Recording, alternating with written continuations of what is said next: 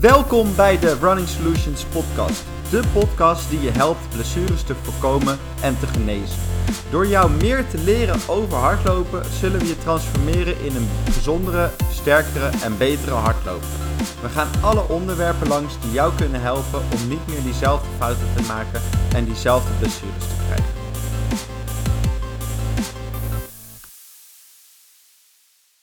Ja, de Running Solutions podcast. Nummer, eh, ik weet niet hoeveel. Jij houdt altijd... eh, 19 of zo zitten we Jij daar. houdt de teller bij. We eens kijken? Ja, eh, maar tegenover me zit hij, de one and only van Running Solutions, Jorin Kamps. Mhm.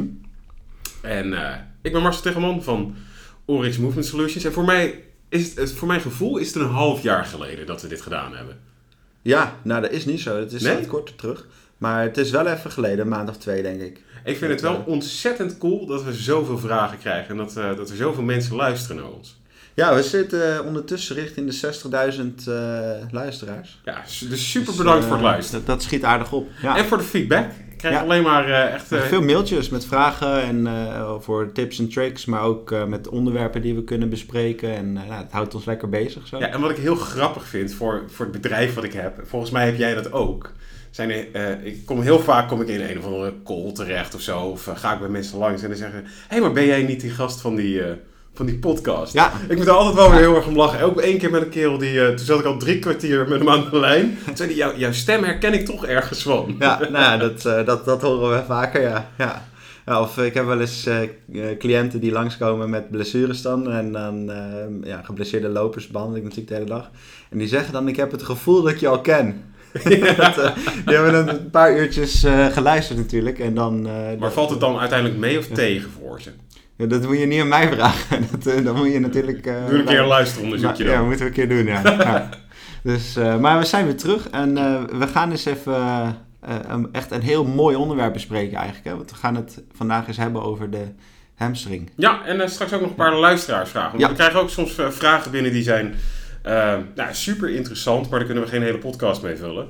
Dus eh, we willen ook gaan proberen om eh, elke, elke aflevering even een blokje met eh, vragen te behandelen. Dus heb je een vraag, stuur die dan ook gerust. Ja. en straks aan het einde hebben we het nog wel over het e-mailadres waar dat dan naartoe kan. En, Komt goed. maar Ja. dat voor later. Eerst over de hamstrings. Ja, ja hamstring is, is natuurlijk met hardlopen een, een hele belangrijke spier.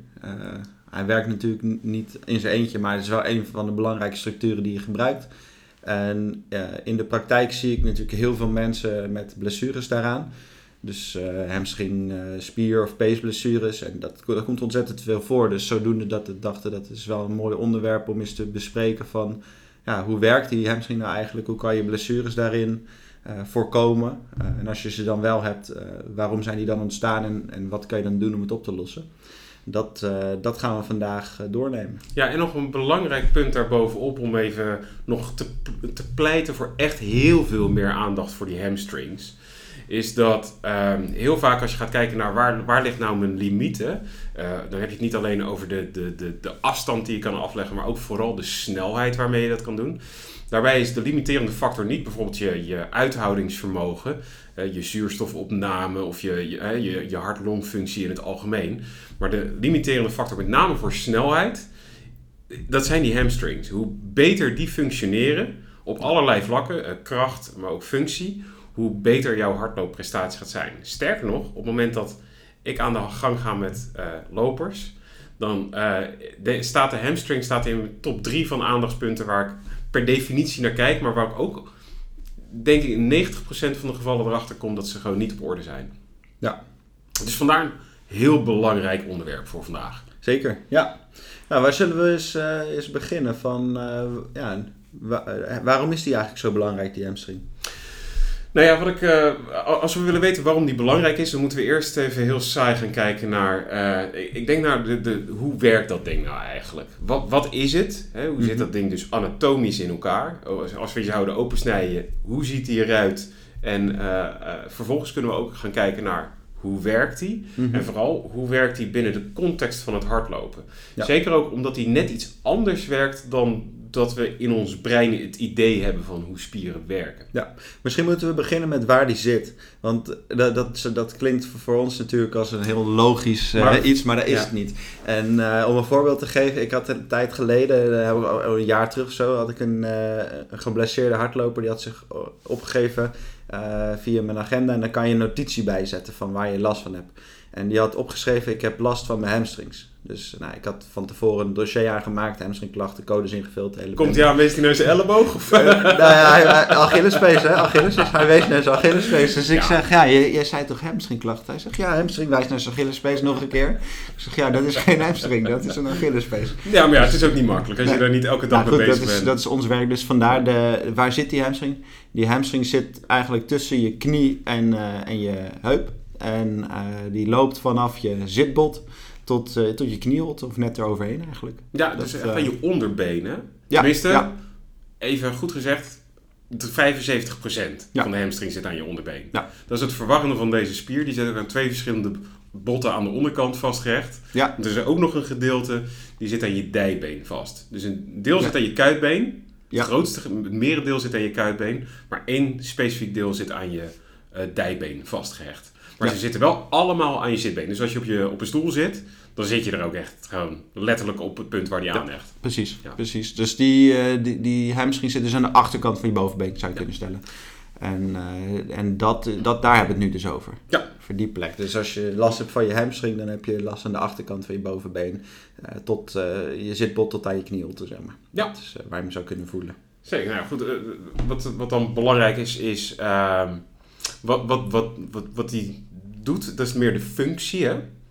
Ja, Want we kunnen nog helemaal gaan uitleggen hoe dat ding anatomisch in elkaar zit. Maar ik denk niet dat dat helemaal eh de ja, in, bedoeling de, in de basis zou je kunnen zeggen dat, eh, dat het een, een vierkoppige eh, spier is. Hè? Dat, eh, dat het vier spieren zijn die eh, die, die, be- die, die hamstrings eh, samen vormen. Ja, dat, dat is even misschien om even wat meer te duiden. Ik zei al dat, dat drie vierde grofweg zitten, of drie van die koppen, Ja. die zitten aangerecht aan je kuitbeen. Mhm. vlak onder je knie aan de achterkant en één deel aan je dijbeen boven je knie, halverwege je dijbeen ongeveer. Ja. Maar ze komen allemaal, ze ontspringen zoals dat netjes heet, dus ze beginnen allemaal aan je zitbeen. Dus ze, ze komen wel uit één centraal punt. Ja, dus dat is eh, het zitbotje hè, waar je op kan zitten bij je billen, dat, eh, dat botje. Daar ja, dus wat dat betreft moet je het ook een beetje ver- vergelijken. Op het moment dat je gaat touw trekken en je wil ervoor zorgen dat er ook krachten gelijk worden verdeeld over al die verschillende koppen. Mhm. Dan moet je je voorstellen dat je één supersterke man aan één kant van het touw hebt die alle bundels vast heeft. En dat er vier wat kleinere mannetjes. Dus zeg maar één Marcel staat er aan één kant van het touw. En vier Joren. Dus, die staan aan de andere. Of drie, ja, vier Joren staan aan de andere kant te trekken. Maar die timing, om ervoor te zorgen dat we allemaal stil blijven staan. Dat niet eentje dominant naar Ja. achteren trekt. Maar dat dat allemaal in evenwicht blijft. We moeten ervoor zorgen dat de, de kracht die geleverd wordt. En de timing waarmee die kracht geleverd wordt. Moet super goed afgestemd zijn. Ja. Eh, dat is er niet zomaar. Daar heb je iets voor nodig. Dat heet training. En daar komen we straks wel op terug. Ja. Maar dat is ongelooflijk belangrijk om dat goed te realiseren. Want Ja. als die timing niet goed is, dat is misschien nog, vind, persoonlijk vind ik dat zeker voor blessurepreventie nog belangrijker dan kracht. Als die timing, dus de synchronisatie tussen die vier koppen, niet goed op orde is, dan ga je klachten krijgen, met name eh, onder je zitbeen. Dat gedeelte waar dus die ene man staat, daar ontstaan dan vaak de eh, problemen. Ja. Dus daarom is het wel heel goed om te realiseren dat die spier zo in elkaar zit.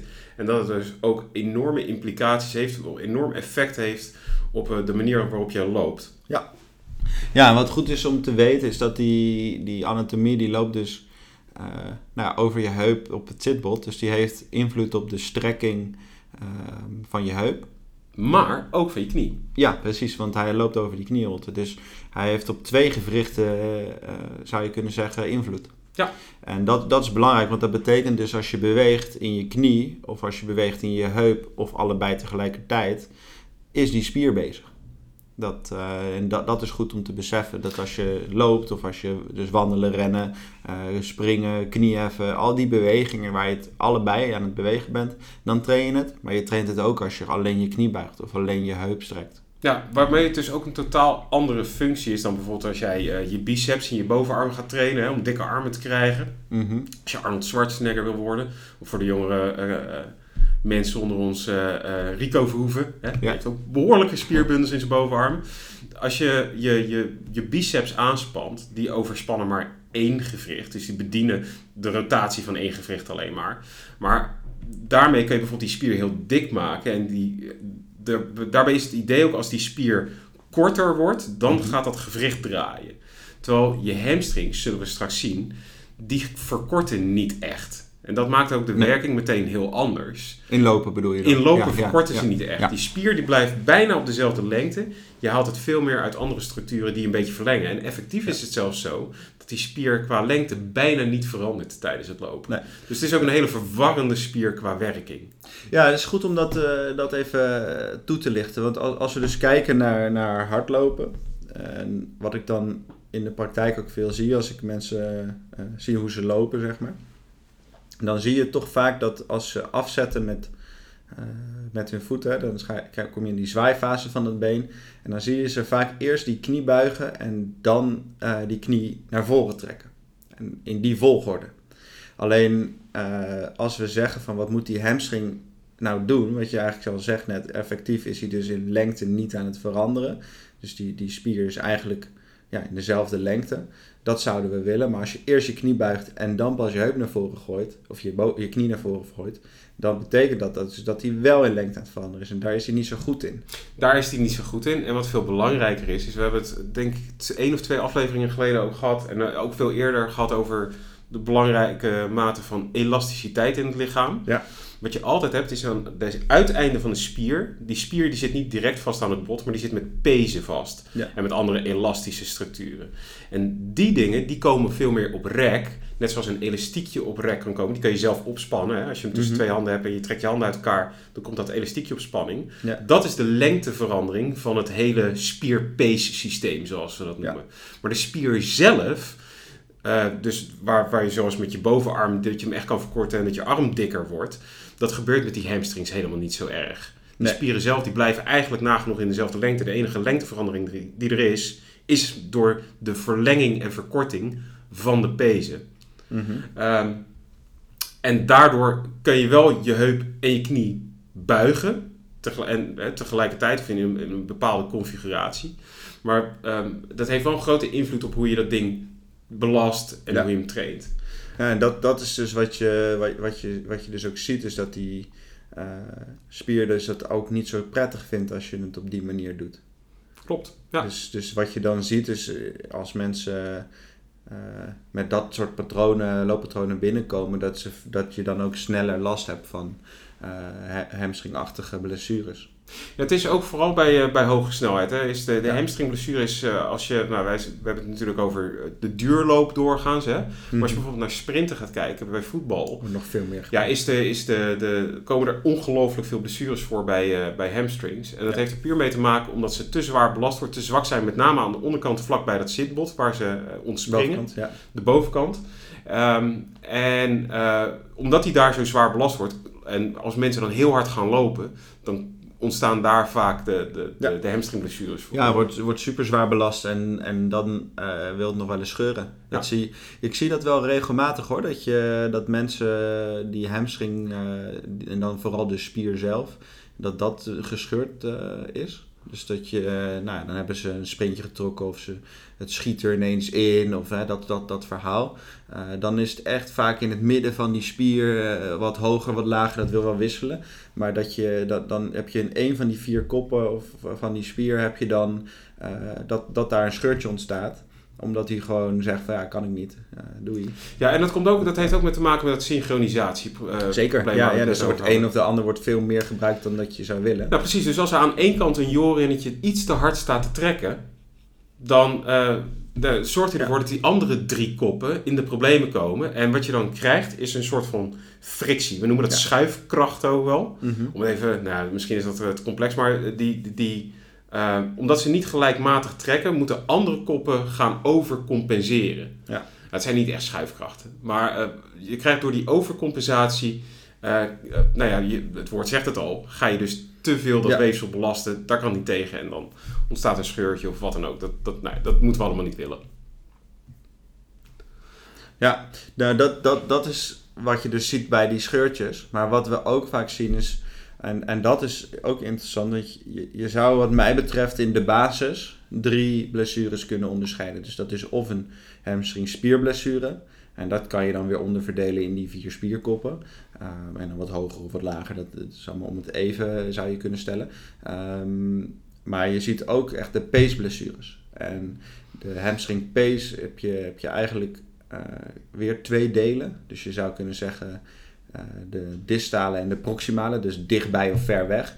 Um, en dichtbij zou dus bij je zitbot zijn. Dus dan heb dat je, is proximaal. Uh, ja, ja, dat is proximaal. Dus dat is, dat is de, de, de hamstringblessure die echt bij dat zitbot zit. En je zou er nog een kunnen zeggen van, nou, die zit meer richting de knieholte. Dat is de distale dan. En dat, dat, dat kunnen dan weer vier verschillende zijn eigenlijk. Terwijl bij het zitbot, dat is interessant, daar komen die vier spieren, die komen samen in één grote pees. En dat, dat, is, dat is heel interessant om te weten. Dat is, het zijn wel vier spieren, maar die zitten als één geheel zitten die dan aangehecht aan dat zitbot. Dus die, die kan je niet, daar niet meer onderscheiden uh, van elkaar. Dus als je daar klachten hebt, dan kan het uit één van die vier structuren komen, of de samenwerking tussen die vier structuren, uh, of eigenlijk altijd de samenwerking waar de een meer dan de ander doet. Um, en dan kan je peesklachten krijgen aan dat zitbot. En dat is echt iets heel anders dan als je het aan de onderkant uh, richting die knielt hebt. Dus, dus, dus zo kan je best wel nog wat verschillende blessures onderscheiden in die hamstrings. Wat nou je top, top drie klachten die je tegenkomt in je praktijk? Van de hamstrings? Ja. Ja, dat, dat, is dus, nou, dat zijn er drie die we net noemen. Dus laten, we, laten we hem in volgorde zetten. Dat, Oké, okay, de top, ja, ja. De top drie, het ranglijstje. Welke komen nou, bij het meeste die, voor? Die, bij het zitbot komt, komt enorm veel voor. En uh, daarna zie je vooral die spierscheuringen. En af en toe zie ik het wel eens in die knielt. Maar dat is niet zo heel veel. En uh, dat komt af en toe wel voor. Uh, maar niet, niet super vaak. Dat, tenminste niet bij mij. Maar er bestaat natuurlijk wel veel. Alleen ik zie het gewoon niet zoveel. Dat, uh... Nou, we hebben het over gehad, hè? De, de context van het lopen. Uh, mm-hmm. wat, wat, gebeurt er nou? Uh, is die, we hebben het over, het is best wel moeilijk. Hè? We hebben het over synchronisatie, afstemming tussen die vier koppen. En, maar er zijn denk ik een paar dingen die heel belangrijk zijn om te realiseren op het moment dat je aan het lopen bent. Wat die hamstring moet doen. Ja. en dat is met name, hij moet in het eerste gedeelte, op het moment dat jij na de landing contact hebt met de grond, moet hij eigenlijk wel echt zijn kracht gaan uh, omzetten in, uh, in effectieve voorwaartse stuwing. Mm-hmm. En dat doet hij tot het moment dat hij ongeveer dat, het, dat die voet recht onder het lichaam is. Ja. Daarna, hè, het, is, het is een heupstrekker. Hij zit, die spier die zit aan de achterkant van het been.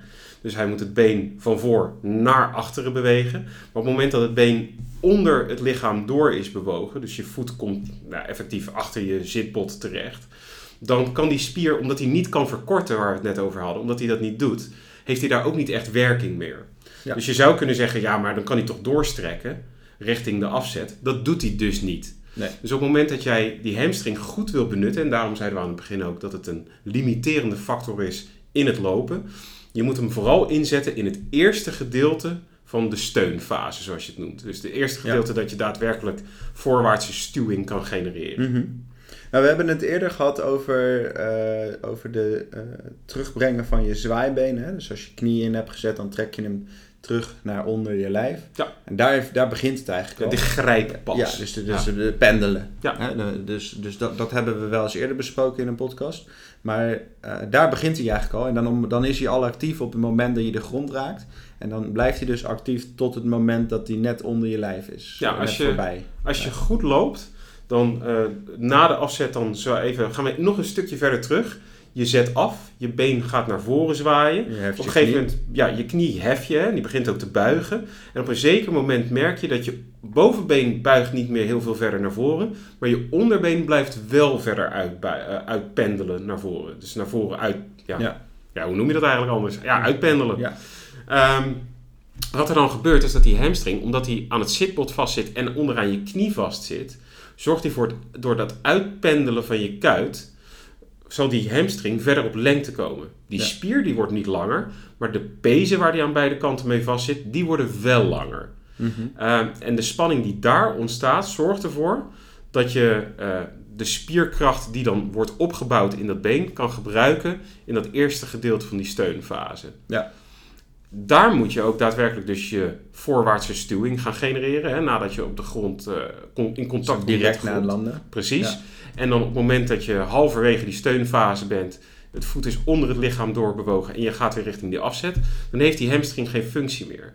Dan, dus, zit het, dan zit het in andere spieren, zoals je grote beelspier en zo. Dus dat geeft ook wel aan, omdat het zo belangrijk is. Ja, maar die beelspier ook, die kan niet zo heel ver. Nee. Uh, die heeft niet zo heel, ver, uh, heel veel vermogen om nog. Uh, je, je, heup kan maar 10 graden strekken, 13 graden strekken. Dat is ongelooflijk weinig.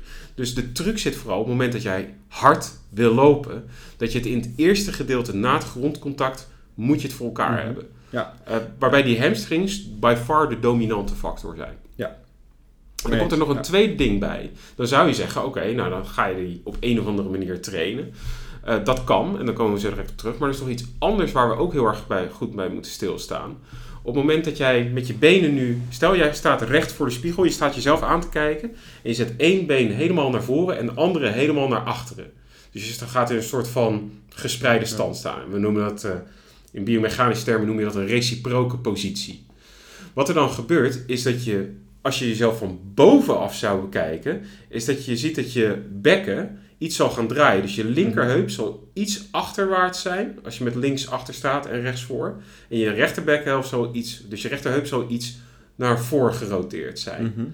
Op het moment dat jij neerkomt met hardlopen, en we doen hem even helemaal uitvergroot op die manier, en jij zou zo met je rechterbeen voor neerkomen terwijl je linkerbeen naar voren aan het zwaaien gaat, dan zie je dat het bekken ook gaat draaien. Die linkerheuphelft gaat naar voren komen. Ja. Dus wat gebeurt er? En dat is ook een reden waarom die hamstring vier koppen heeft. Er zit heel veel rotatie ook van het dijbeen ten opzichte van het bekken. Of andersom gezien, van het bekken ten opzichte van het dijbeen. Ja. En die spieren, die hebben allemaal een hele speciale structuur. Die vezels die liggen in allemaal veervorm, veervormen. Ja. Ehm, en die zorgen ervoor dat je gedurende die hele rotatie ergens iets van effect kan doen. Die spier die is nooit op alle punten even actief. Niet alle koppen zijn op elk punt even actief. Sterker mhm. nog, zelfs niet alle spiervezels zijn op elk moment even actief. Daar is een enorm complex iets gaande, wat we helemaal niet zo goed begrijpen. Mhm. Eh, maar dat zorgt ervoor dat jij stabiel je linkerheuphelft naar voren kan draaien ten opzichte van je been, ja. Ja. van je bovenbeen. Ook dat heeft nogal wat uh, implicaties, want als je dat dus niet goed voor elkaar krijgt, daar komt weer dat punt timing terug. Ook dat heeft invloed op je blessures. En, maar ook, veel belangrijker dus, de manier waarop je traint uh, moet misschien wel wat veelzijdiger zijn dan dat mensen van oudsher gewend zijn om dat te doen. En daar gaan we het zo direct eh, nog uitgebreid over hebben. Maar dit is wel echt heel erg goed om even bij stil te staan. Dus, de, dus de, de samenvatting daarvan is eigenlijk, je wil die rotatie die je in je heupen uh, van voor naar achter de hele tijd maakt, links om rechts, rechts om links, uh, dat je dat, uh, dat doe je en daar zijn die hamstrings enorm belangrijk voor en daar moeten we ze dus ook op trainen. Ja. En wat we dus zien is dat in de, ik zie het in de praktijk en we zien het ook in, uh, in de onderzoeken naar, naar de recreatieclubs dat het gewoon niet goed gebeurt. Dus die worden niet getraind. Je ziet dat die functie niet goed gaat uh, en dat er daardoor allerlei problemen ontstaan. En dan komen mensen met, uh, met hamstringblessures binnen. En dat, dat willen we eigenlijk voorkomen.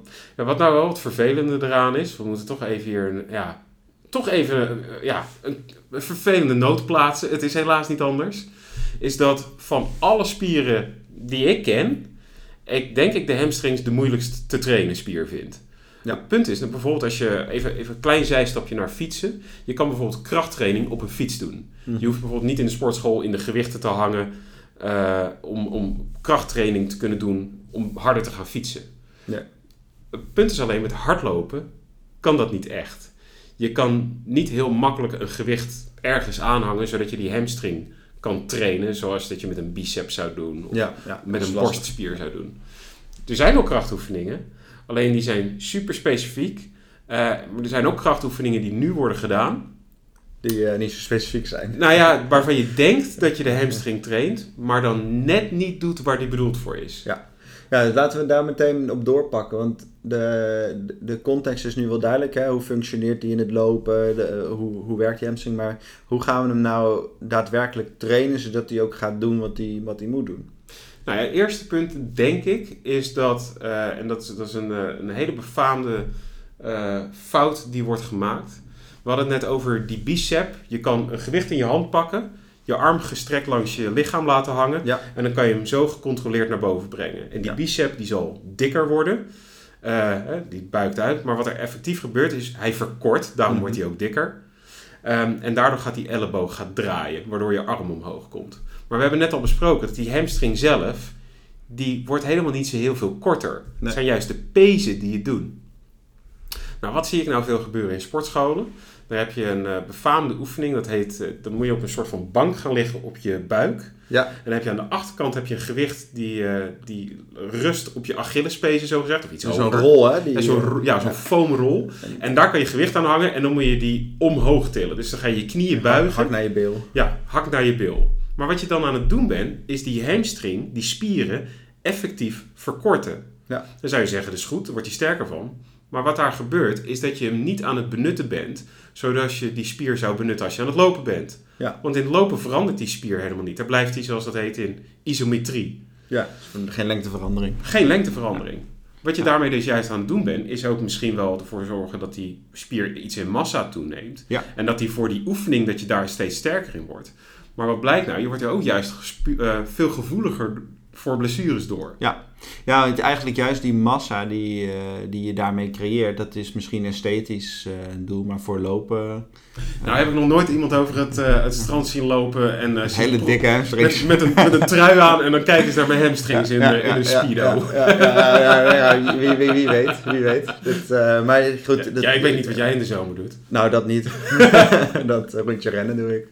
Nee, maar de, de, dus, dus esthetisch wordt die groter. Je, gaat, je zal zien dat die massa toeneemt, maar de, de functie wordt er niet beter van. Je wordt er geen snellere loper van. Nee. Eh, Sterker nog, je- de, kans op blessures neemt gewoon wel toe. Precies. En, eh, en dat, dat is dus een, zo'n leg curl eigenlijk, is dus een oefening die we dus voor lopers ja, niet per se, eh, of eigenlijk helemaal niet, adviseren. En hetzelfde fenomeen is de Nordic hamstring curl. Ja, Eh, dat is ook een befaamde waarbij... eh, daar, zijn echt mensen die eh, schrijven daar proefschriften over.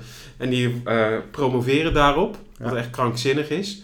Maar die, die zeggen als je die oefening bijvoorbeeld bij voetballers, zeggen ze... Dan gaat de, de, het risico op blessures 65% omlaag. Ja. Nou, ik persoonlijk vind 65% reductie... Dat is dus dan geen hele effectieve interventie of zo. Kortom, werkt gewoon eigenlijk helemaal niet zo goed. Ja, je maakt die hamstring iets sterker, maar je gaat het risico niet helemaal uitbannen of niet tot een significant niveau uitbannen. Maar wat, wat is die oefening dan? Dan moet jij op je knieën zitten. Dan zit je rechtop op je knieën. En dan moet iemand anders moet je hielen vasthouden, je voeten. ja, of die doe je ergens onder of, die doe je ergens onder, onder een bankje. Of, maar ja, dat, hè, dat vraagt ook nog wel wat. En dan moet je super langzaam, terwijl je bovenlichaam in een rechte lijn blijft met je bovenbenen, moet je super langzaam naar voren zakken. Ja, dus eigenlijk je laat jezelf voorover vallen en dat moet je tegenhouden met die hamstrings. Precies. Ja. Eh, het probleem daarvan is, is dat je ook daar weer bezig met lengteverandering van die spier. Alleen Ja. in plaats van dat je hem heel, heel erg aan het verkorten bent, ben je hem heel langzaam aan het verlengen. En we zien ook dat fenomeen niet echt terug in het lopen. Het lijkt er veel sterker op dat die spier eh, in isometrie blijft. Dus wat je moet doen. eh, wat je denk ik wel zou... de- dus, dat- dus ook in die oefening zie je dat je niet de functie traint. Maar wat je denk ik zou kunnen stellen is... waardoor er dus wel verbetering is te zien in die onderzoek... is dat iets doen is beter dan niets doen. Ja. En, eh, je en die ziet- spier wordt ontegenzeggelijk wordt die sterker. Ja, dan kan je, kan je de klok op gelijk zetten dat die sterker wordt. Maar op het moment dat jij Niet functie. Maar als hij binnen eh, nog steeds niet goed functioneert binnen de context van de loopbeweging, ja, dan heb je het. Dat is, Heb je ja, er weinig aan. Dan je, was moet, het- je moet de kracht, dat is zeg maar een Ferrari motor in een, eh, in een eh, Ja. up zetten, zeg maar. Dan gaat hij niet heel Ja, hard. nee, van. je hij fire eh, a canoe, of, you can fire a cannon from a canoe. Ja, Dat is het dan, hè? Je, Ja. kan, je, je, je kan er effectief niet zo heel veel mee. nee. nee. Dus, dus- je moet het kunnen gebruiken. En dan moet je het anders Het trainen. is tijd van je leven die je gewoon nooit meer terugkrijgt. Zonde, zonde. nou ja, hoe ga je hem dan wel trainen? Dat is dan de vraag. Ja, dat, nou, ik ben heel benieuwd hoe, je, hoe jij dat in de praktijk dan, eh, dan doet. Nou, Zeker we- vanuit een, een eerste, hè, laten we even zeggen, als je, stel je dat je hebt een blessure. Beginnen we daarmee en dan vanuit de blessure, als het goed is, dan gaan we kijken naar performance. Dus dan gaan Ja. we voor prestatie Ja, dus, dus eh, nou, ja, laten we dan beginnen met die, eh, die klachten rond het hielbot. Uh, of uh, schielbot, zitbot. Zo, moet je mij horen. Nee, dit is die Achillespees toch? We beginnen bij de elleboog. Sorry, nee, zitbot. Dat zitbot, daar, daar komen de, veruit de meeste mensen mee bij mij in de praktijk die daar last hebben. Um, dus dat, dat, dat noem je ook wel een, een insertieklacht of een blessure. Um, nou, om ermee te beginnen, laten we even kort doen, vertellen wat je vooral niet moet doen. Voordat we beginnen met wat je, wat je dan wel moet doen. Wat je niet moet doen is... Niks doen. Niks doen is geen niks. Hè, de rust is voor pezen is gewoon... Uh, dat, dat, is, dat is funest, dus dat maakt het erger. Dus rust moet je niet doen. Deel 2 is... Uh, wat je ziet is die, die pezen van die... Of die, die pezen eigenlijk uit die vier spieren... Die zit een beetje aan de achterkant iets boven dat zitbot. Dus hij zit niet in het onderste puntje, maar hij gaat iets aan de achterkant en hecht iets hoger aan. Dus wat betekent dat? Is dat zitbot is als het ware een soort rond iets, zou je kunnen zeggen. En loopt in een, in een soort boogje. Eh, je zou het een C kunnen doen ondersteboven. Uh, ja, het lijkt net eigenlijk op de vorm van een zonnebril of zo. Zeker nog, het lijkt bijna als je een tekent, de bril die jij nu op hebt. Ja, ja. je hebt jij niks aan die zitten luisteren natuurlijk. Nou ja, het, het, is inderdaad een soort uh, brilglas. Ja. En um, wat we dus zien is op het moment dat je je knie buigt, of opheft eigenlijk, dus je heup strekt, of buigt, sorry, buigen. Ja, doe gewoon dus even opnieuw, dit is ja, ja, ja, Dus het, het, het, als je, op het moment dat je je heup gaat uh, buigen, dus je tilt je knie op, dan uh, gaat die pees om dat zitbot heen. En dat is goed om te beseffen, want wat we dus zien is dat mensen met dit soort klachten, die hebben pijn als ze lang zitten. Die hebben pijn als ze gaan rekken. Die hebben pijn als ze ja, oefeningen doen waarbij ze die knie moeten heffen. En dat heeft dus te maken met dat die hamstringpees om dat zitbot heen vormt op het moment dat je heuphoek toeneemt. En dat moet je dus voorkomen in het begin van zo'n herstelproces. Dus wat we dan zien is, dan krijgen ze... Dus effectief is dat frictie. Wrijving. Ja, wrijving tegen dat bot aan. En, uh, en dat, die, die wrijving, is dat, is dat dan de warmte die zo schadelijk is? Of? Maar uiteindelijk warmte is een slechte raad of een slechte ingrediënt voor. Uh, ja, warmte, is, maar warmte wil je niet, dus dat is frictie, wrijving wil je daar, daarom niet. En de andere reden is als hij geïrriteerd is en er zit daar wat schade en dan ga je het ook nog eens lekker tegen iets aanlopen duwen. Dat is natuurlijk ook niet handig. Dat is hetzelfde als dat je een korstje hebt en dan even langs een grove muur gaat uh, schuren. Dat wil je niet. Uh, dus, dus er zit wel een slijmbus voor en zo, maar goed, het, het is niet gewenst dat daar frictie komt. want daar krijg je gewoon meer klachten van. Dus wat je dan uh, wil doen is al die uh, grote heuphoeken, dus waar die knie echt omhoog komt, dat wil je weghalen. Dus wat betekent dat? Je mag niet lang zitten. Je wil niet in die 90 graden hoek zitten. Zet hem in 110 of zo. Uh, dus ga, ga strekken in die, in die heup. Zorg ervoor dat die rekoefeningen niet gedaan gaan worden wat ik heel vaak zie in de praktijk is dat mensen met deze klacht komen en dan zijn ze als tweede of derde behandelaar ben ik dan. En dan uh, hebben ze allemaal rekoefeningen gegeven. En dan ook nog lekker passief gerekt waarschijnlijk. Ja, dat de behandelaar door been zo helemaal door die hoeken heen duwt. dat soort dingen mag, mag gewoon niet, want dan, dan komt hij nooit tot rust. En je moet wel een soort van rust in die pees uh, creëren voordat dat herstel gaat inzetten ja, dat is hetzelfde wat ik net zei. Als je een korstje hebt en je blijft hem kapot maken, dat blijft maar bloeden. Dat gaat elke keer weer kapot. Nou, dat willen we natuurlijk voorkomen. Dus uh, ja, in die hoeken wil je niet komen. Dus met zitten moet je opletten. Je wil niet op harde ondergronden zitten, dan krijg je dat ook weer. En dus niet rekken, strekken uh, van, die, van die hamstrings. Uh, en vooral dus niet die hoeken maken. En dat doe je dan tijdelijk allemaal eruit. En dan kan het langzaam gaan herstellen. En dan moet je het dus ja, simultaan gaat trainen. En dan kan je zeggen, nou je moet misschien hardlopen. Of niet. Het ligt eraan wat het niveau op dat moment is. Er, is er een standaard tijd ongeveer dat zo'n proces in beslag neemt uh, aan het begin van zo'n revalidatie? Of varieert dat heel erg? Het varieert heel erg, omdat de, de, het moment dat mensen binnenstappen, is het vaak al een tijd bezig. Dus het, het kan zijn dat het acuut is van, of tenminste kan niet met pezen, maar het kan zijn het is vandaag begonnen, dan is slijmert het al een tijdje, maar heb je het nog niet gevoeld. En op een gegeven moment komt het dan uh, op het oppervlak dat je dan binnenkomt, maar die kans is niet zo groot. De meeste mensen zeggen, nou ik voel een beetje wat, kijk wel even aan. En dan komen ze drie, vier weken later.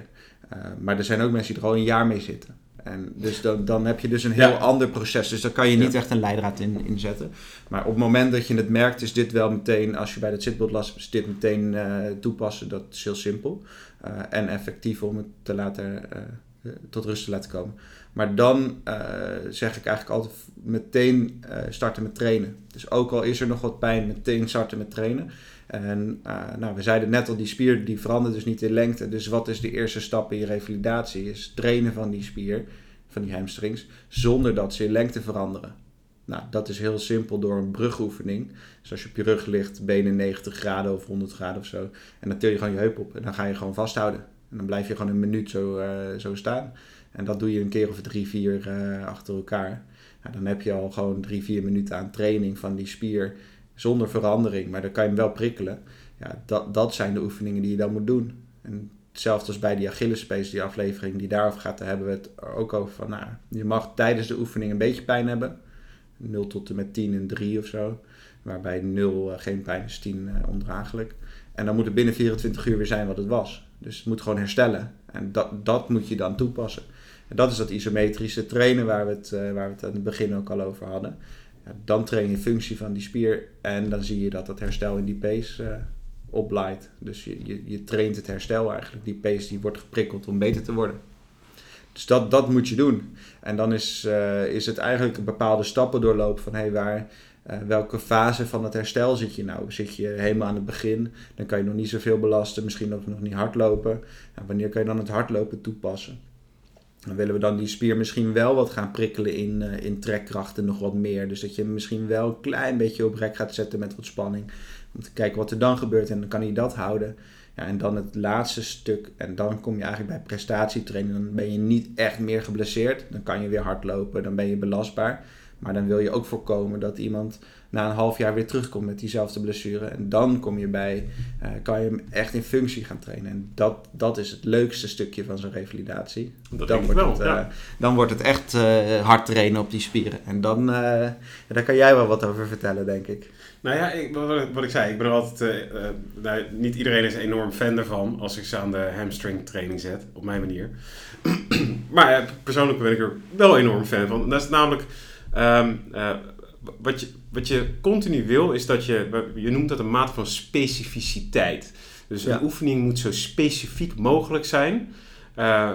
met andere woorden, wat je wil, is dat een oefening zoveel lijkt op de doelbeweging dat het ook daadwerkelijk een transfer heeft, dus een, een, een effect heeft. Dat als je een oefening doet, dat het ook in de uiteindelijke beweging die je wil maken, prestatieverhogend is. Ja. Kortom, ik kan uh, ongelooflijk hard. Uh, uh, nou, wat voor voorbeeld zullen we eens nemen? Um, ik kan heel hard mijn bovenbenen gaan trainen, hè, mijn quadriceps, door gewoon op een stoel te gaan zitten en met mijn voeten een gewicht voor me uit te duwen. Of op een leg press. Iedereen die gerevalideerd heeft, heeft er al een keertje opgelegen. Dat je in stoel zit en een plaat voor je wegduwt. Alleen um, die oefening heeft bijvoorbeeld ongelooflijk... Uh, heeft veel meer overeenkomsten met opstaan uit een stoel.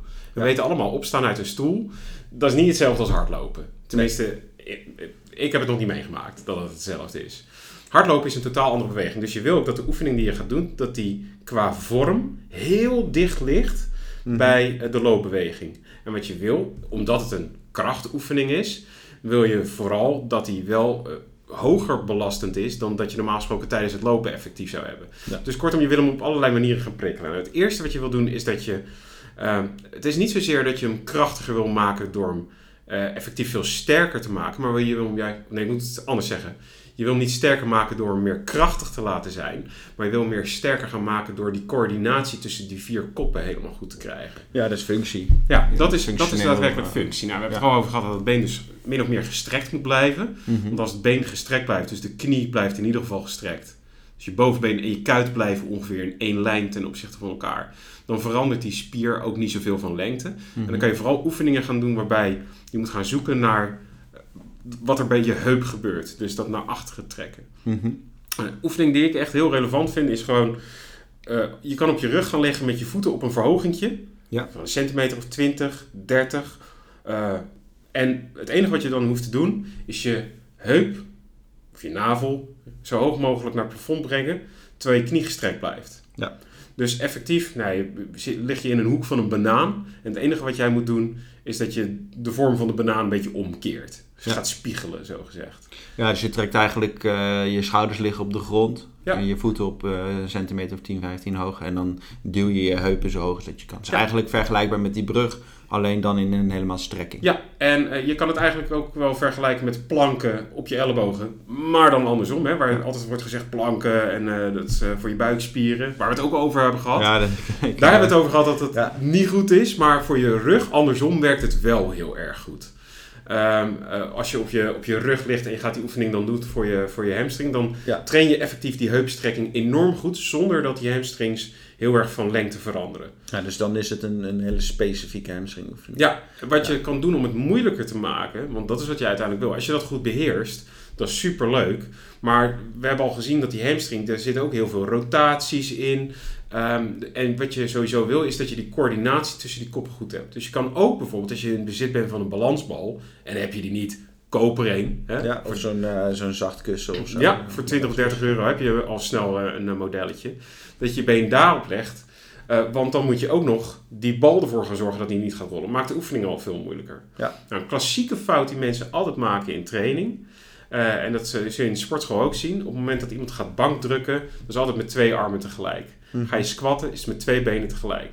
Maar de laatste keer dat ik checkte hoe wij lopen, dan is dat niet met twee benen tegelijk. Het enige waar ik het zie gebeuren is bij kangoeroes. Maar wij doen dat toch op één been. Ja. Dus het is ook wel relevant dat als je dit op twee benen kan, dat je ook de vervolgstap maakt van oké, dan ga ik het nu naar één been doen. Ja. En als je dat dan doet, dan is het wel heel belangrijk dat dan mag je wel met twee benen van mij nog beginnen met je hielen op dat, eh op dat verhogingje. Maar op het moment dat je omhoog komt, dan trek je je knie helemaal omhoog. Zodat je je tegenovergestelde been, wat de lucht in gaat, dat de Je knie... maakt eigenlijk die hardloophouding. Je maakt een hardloophouding waarbij de heup in een hoek van 90 graden komt en de knie ongeveer in een hoek van 90 graden. En dat steekt Mhm. allemaal in, zeker in het begin niet zo nauw. Maar dat zorgt er wel voor dat je ook, hè, we hebben het erover gehad dat die, eh, die, Rotaties. die, die- dat bekken roteert, dat je dat moet gaan controleren. Ja. Dus dan ga je al een extra coördinatief element ga je in je oefening inbouwen. En Ja. eh, nou, een vervolgstap is nog, en daar moet je maar een keertje op eh googlen op een Romanian chair. En misschien zetten we nog wel een fotootje of zo ervan. Een eh, Roman chair heet het zelfs. ja, van Roman Ja, chair. als, sorry, je die, eh, als je die eh, googelt, dan kom je er wel uit. Dat is zo'n ding waar je voeten klemt en dan met je heupen op een Ja. kussen. En dan kan je voorover klappen en zo. Ja, en wat je daarbij doet, is dat je been weer niet van lengte verandert. Hè? Wat, je, wat bij, bij bijvoorbeeld een eenbenige deadlift of zo wel zo is. Ehm, je, je, je been zit vast, dus je moet alles uit je, uit je hamstringfunctie halen. Je moet het hele bovenlijf met je hamstrings omhoog trekken. En Ehm, daar worden ze mega belast. daar worden ze mega belast. Daar wordt hij heel goed van zijn Ja. Ehm, ook dat met twee benen is al heel zwaar. Met één been is krankzinnig zwaar. Dus heb je in je sportschool een Roman, eh, Roman chair, ga er vooral eens een keer op liggen. Het. Ja. wat wij dan als laatste doen, we hebben het laatst ook, eh, en binnenkort komt er geloof ik ook nog een, eh, een podcast over. Of is die al geweest over de aquabags? Met, Nee, die komt nog. Die, oh, die komt nog met Ja. Ultimate Instability. Wat je dan ook nog kan doen, is als je op zo'n ding ligt, dat je een, een waterzak in je rug doet. Maar dat kan ook zonder water, kan ook gewoon een zandzak zijn. Of een Ja, of een, eh, gewicht. dumbbell of een kettlebell. ja, en dat je dan je bovenlichaam gaat draaien terwijl je in, eh, in een plankhouding ligt op zo'n. Roman chair. Ja. Ehm, Super complex. heel moeilijk. Super complex en daar gaan we misschien later nog wel een keer over hebben. Maar het geeft wel aan dat je, je moet veel diverser trainen. Je moet sowieso niet gaan trainen op, in, in één richting. Ja. Maar het moet in allerlei draaiende richtingen, vooral rondom de lengteas Mhm. zijn. Ehm, en die spier die mag vooral niet van lengte veranderen. Ja. Bottom line hiervan is, is, op het moment dat je bij een fysiotherapeut komt en die gaat je dat soort oefeningen laten doen, eh, dan adviseer ik je toch om een deurtje verder te gaan kijken. Die, die, eh, Die, die eendimensionale dingen, kracht, ja, echt krachtoefeningen gaat doen. Ja, ja. Het, fo- het, het focus moet echt veel meer op coördinatie liggen. Ja, eens. Wat, eh, wat eh, we even erbij moeten zeggen, want ik denk dat dit is een, een heel mooi, duidelijk verhaal ondertussen. Hoop ik, denk ik. Eh, maar wat we wel... ehm, we zitten heel specifiek te vertellen over de functie van één structuur in het lijf. Of eigenlijk vier spieren die dan samen één vormen. Maar de, de, het lijf werkt natuurlijk wat complexer dan één specifieke groep. Dus waar, we, waar we het nu over hebben is hoe kan je nou de functie van specifiek deze groep verbeteren. En eh, hoe revalideer je specifiek deze eh, klachten. Maar wat we dan niet weg moeten ne- eh, of niet moeten vergeten is dat je, als je gaat kijken naar als je deze blessures hebt, dat het waarschijnlijk niet alleen maar in dit stukje zitten. Het is waarschijnlijk een groter plaatje. Misschien zijn er in andere spieren ook wel problemen waardoor deze functie beperkt wordt en het niet werkt. Of, en dat is ook heel reëel, je looptechniek is niet goed. Hè? Je, je, je afzet is vaak, als je afzet te fel is, Wordt het dit, dan krijg je dit soort blessures. Dus in het gedeelte waar die hamstrings helemaal niet actief zijn, maar op het moment dat je daar iets verkeerd doet, kun je toch, die, uh, kun je toch de boel naar de donder helpen. Ja, ja dus, het, dus het is zeg maar belangrijk om te beseffen van hoe kan je dit net trainen preventief. Maar als je geblesseerd bent en je hebt hier last van, zorg ervoor dat je laat onderzoeken waar dat vandaan komt. En dat, het niet, dat je niet zelf gaat lopen uh, sleutelen aan specifiek die hamstring. Want het zou heel goed kunnen zijn dat je daar wel wat moet doen. En daar hebben we je net handvatten voor gegeven. Maar om ervoor te zorgen dat het ook niet meer terugkomt, moet je wel oorzaak-gevolg gaan kijken. En dan wordt het echt een stukje ingewikkelder dan hoe we het nu schetsen. Dus wat super cool hieraan is, ja, ik ben het helemaal niet eens. Absoluut.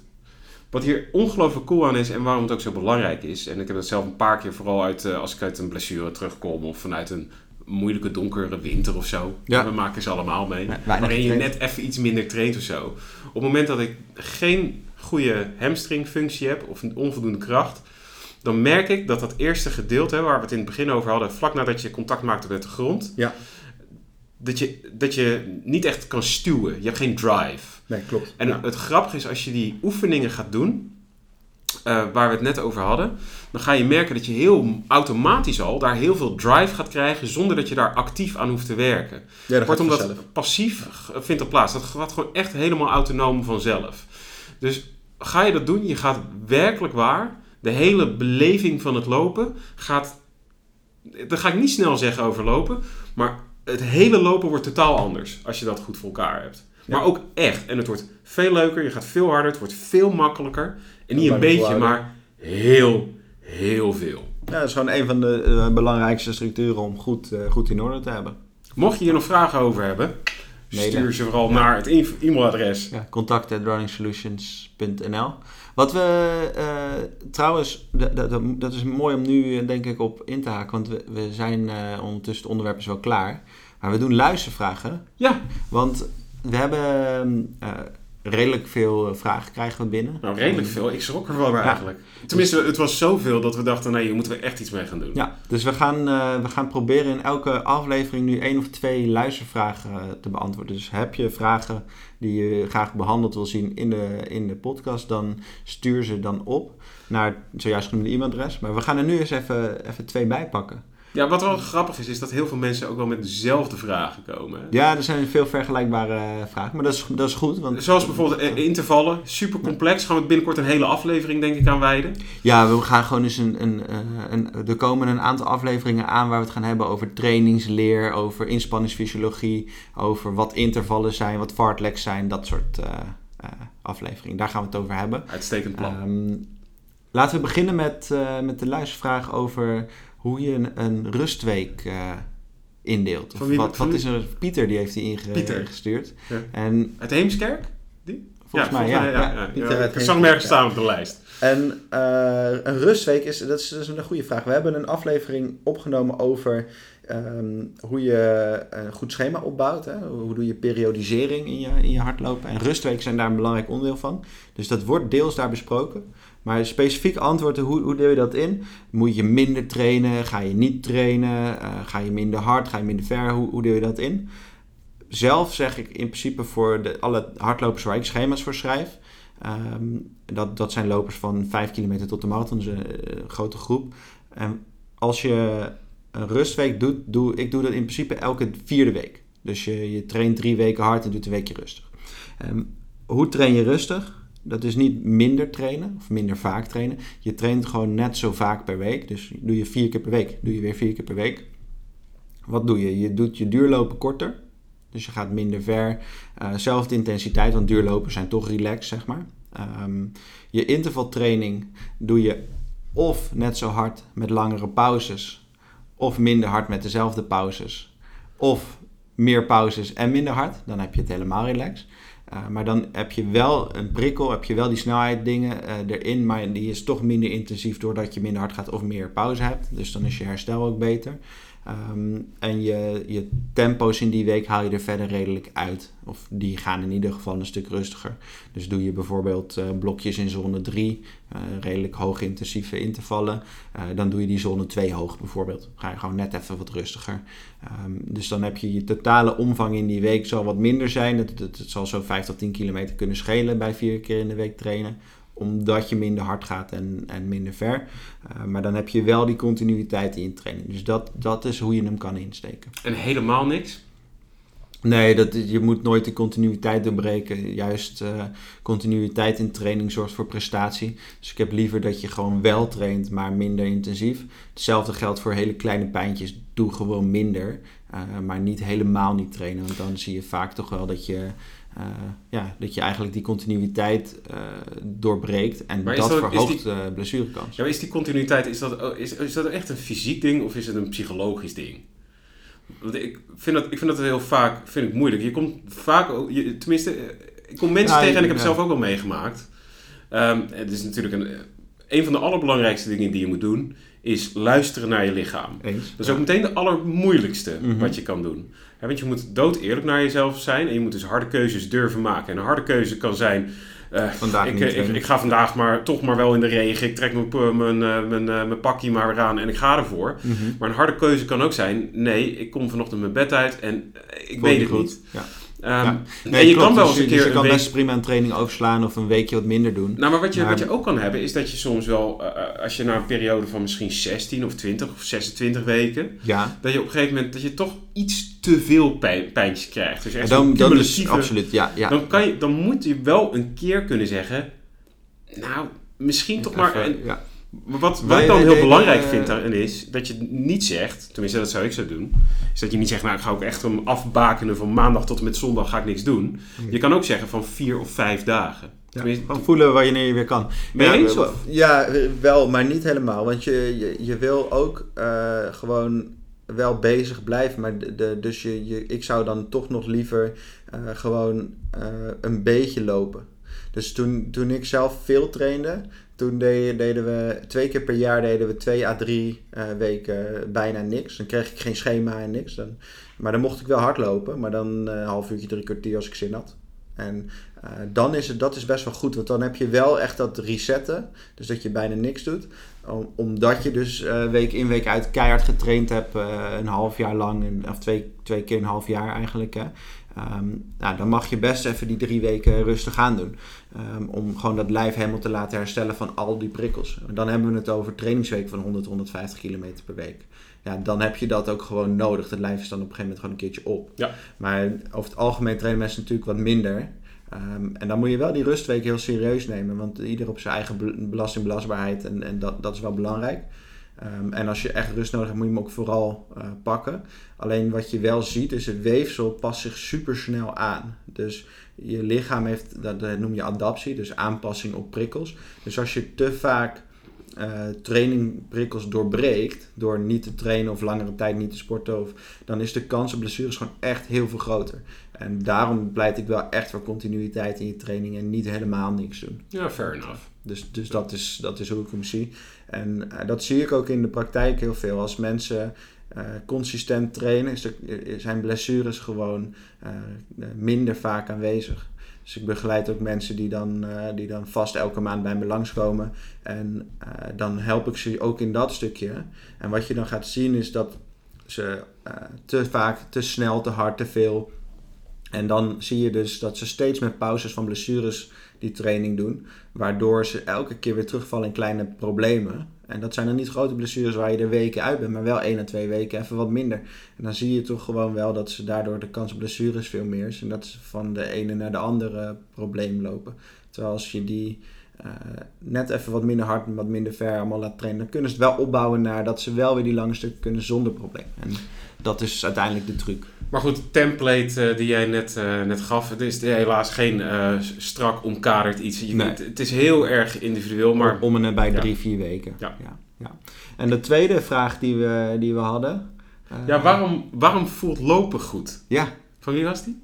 weet ik niet. Moeten we even opzoeken. Maar dat Komen we zo Ja. de, waarom voelt lopen goed? Ja, dat is wel grappig. Dat je krijgt die vaak, vraag krijg ik vaak van beginners. Van het, ik vind er niks aan, het is hartstikke zwaar. eh, eh, dat is het ook. Het is gereed aan als je net begint. Het is allemaal hartstikke pijnlijk en Oh ja. vermoeiend. En, eh, maar zodra je op een gegeven moment een beetje in, in die comfortzone komt. ehm, ik heb dat zelf, als ik geblesseerd ben geweest of tijd weinig heb gedaan en ik ga weer trainen, dan is het de eerste paar keer gewoon niet Oh. leuk. Het is gewoon echt zwoegen. Maar op een gegeven moment Ja. kom je door een punt heen dat je gewoon comfortabel 30, tot, 30 minuten tot een uur eh, kan, kan lopen.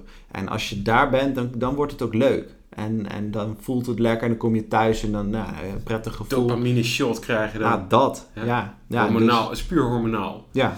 Ja, er is Ja. natuurlijk ook nog een ander ding. En dat zie je ook heel veel terug in, eh, überhaupt in training, wat je ook doet. Maar misschien wel in het hele leven. Laten we het even wat eh groter perspectief filosofisch pakken. Uiteindelijk, hetgene wat je goed kan, dat vind je leuk. Ja. En dingen die je niet goed kan, daar zijn we toch een beetje leuk. terughoudend voor. Hè? Dat is ook, ook angstig. Daarom is ook een mooie levensles, vind ik altijd wel. Probeer elke dag iets te doen waar je toch een beetje bang voor bent. En dat kan iets heel kleins zijn. Hè? Ik bedoel, ik ben altijd bang om de kruidvat in te gaan omdat ik daar verdwaal. Nou, maar dat is misschien een ander verhaal. Maar eh, uiteindelijk is het zo, hè, en als je het even naar sport vertaalt, en dan gaan we even weer terug de sportschool in. Mhm. Wat ik heel veel zie eh, in, in trainingsvormen, dat dingen die mensen goed kunnen, dat willen ze dan ook vaak gaan doen. Ja. Hè, dus de, de youngsters die, eh, die graag op, eh, op het strand willen paraderen met hun torso, die gaan veel bankdrukken. Vinden ze leuk om te doen. Laten ze één keer een beenoefening doen en dan zijn ze weg. Vinden ze niet leuk, gaan ze ook leuk, nooit meer doen. Ja. Daar in, de, in de fitness is er ook zo'n zo'n gouden ding waarbij... men zegt never skip leg day. Ja, Eh, ja, dat, ja. dat moet er dus in om maar, oh nou, dat gaan we maar doen. En dat doen we wel eh, plichtmatig twee keer per week. Maar wat je dan ziet is dat je hele grote torso's hebt met twee van die rietjes eronder. Waar je enorm om moet lachen. Dat is wel mooi, hè? Maar op het moment dat je dan wel veel gaat squatten met zo iemand, ze worden sterker en je gaat ze ook andere dingen laten doen. Op het moment dat ze dat dan wel kunnen, dan gaan ze het in één keer leuk vinden. Dan wordt het een uitdaging en dan zie je ook dat de aandacht daarnaar verschuift. Nee, je ziet het ook bij lopen. Eh, op het moment dat je nu mensen aan het eh, touwtje springen zet, als je het nooit gedaan hebt, of eh, springen over hordes, of bepaalde hele specifieke skippen, hè? Ja. Of bepaalde pendelpassen. Wie doet er aan loopscholing? Ja, geen hond. Ja. En waarom niet? Ja, het is niet leuk, maar het is vaak ook technisch best wel lastig. Dus dan ga je het niet doen. En op één been een touwtje springen, ja, dat heb je niet binnen drie of vier keer echt helemaal goed onder controle. Laat staan rennen met... een maanden tijd, ja. Precies, laat staan dat je kan rennen terwijl je aan het touwtje springen bent. Ja. Ehm, dus wat dat betreft, maar op het moment dat je het kan, dan wordt het ineens leuk. En dan zie je ook, dan voel je de context ook. En dan wordt het leuk om te doen. Ja. Dus, dus, Dus dat is de tweedelig ja, eigenlijk. dus je moet altijd even door de zure appel heen bijten. Maar op het punt komt dat je merkt, nou nu kan ik het ook. Dan wordt Dat het is de reden waarom het leuk wordt. Dus, dus de ene reden dat hardlopen eh, goed voelt of prettig voelt is dopamine. Ja, Je, dat is gewoon hormonaal, krijg je gewoon een soort shot. Dus gewoon, eh, ja, dat is Ja. top. En eh, omdat je er goed in bent. Dat is eigenlijk, als je er goed in wordt, dan, dan wordt het ook leuk. en dan wordt het ook, als je dan niet oppast, wordt het ook verslavend. Ja, Ja. Ja. En dat is Dus- de keerzijde. Want er is altijd een andere kant van de medaille. Ja. Nou, maar superleuke vragen. Vol- eh, Ja. Heb jij ze ook? Stuur ze vooral naar contact at runningsolutions.nl. yes. En dan gaan we kijken wat we voor jou kunnen doen. Helemaal goed. Ehm, top. Bedankt voor het luisteren naar de Running Solutions podcast. Heb je vragen naar aanleiding van deze podcast of zijn er onderwerpen die jij graag besproken zou hebben in de toekomstige podcast? Laat het ons dan vooral weten. Dit kan je doen door te e-mailen naar Running Solutions of laat even een comment achter onder de Apple Podcast, eh, in Spotify of de andere podcast services waar we te vinden zijn.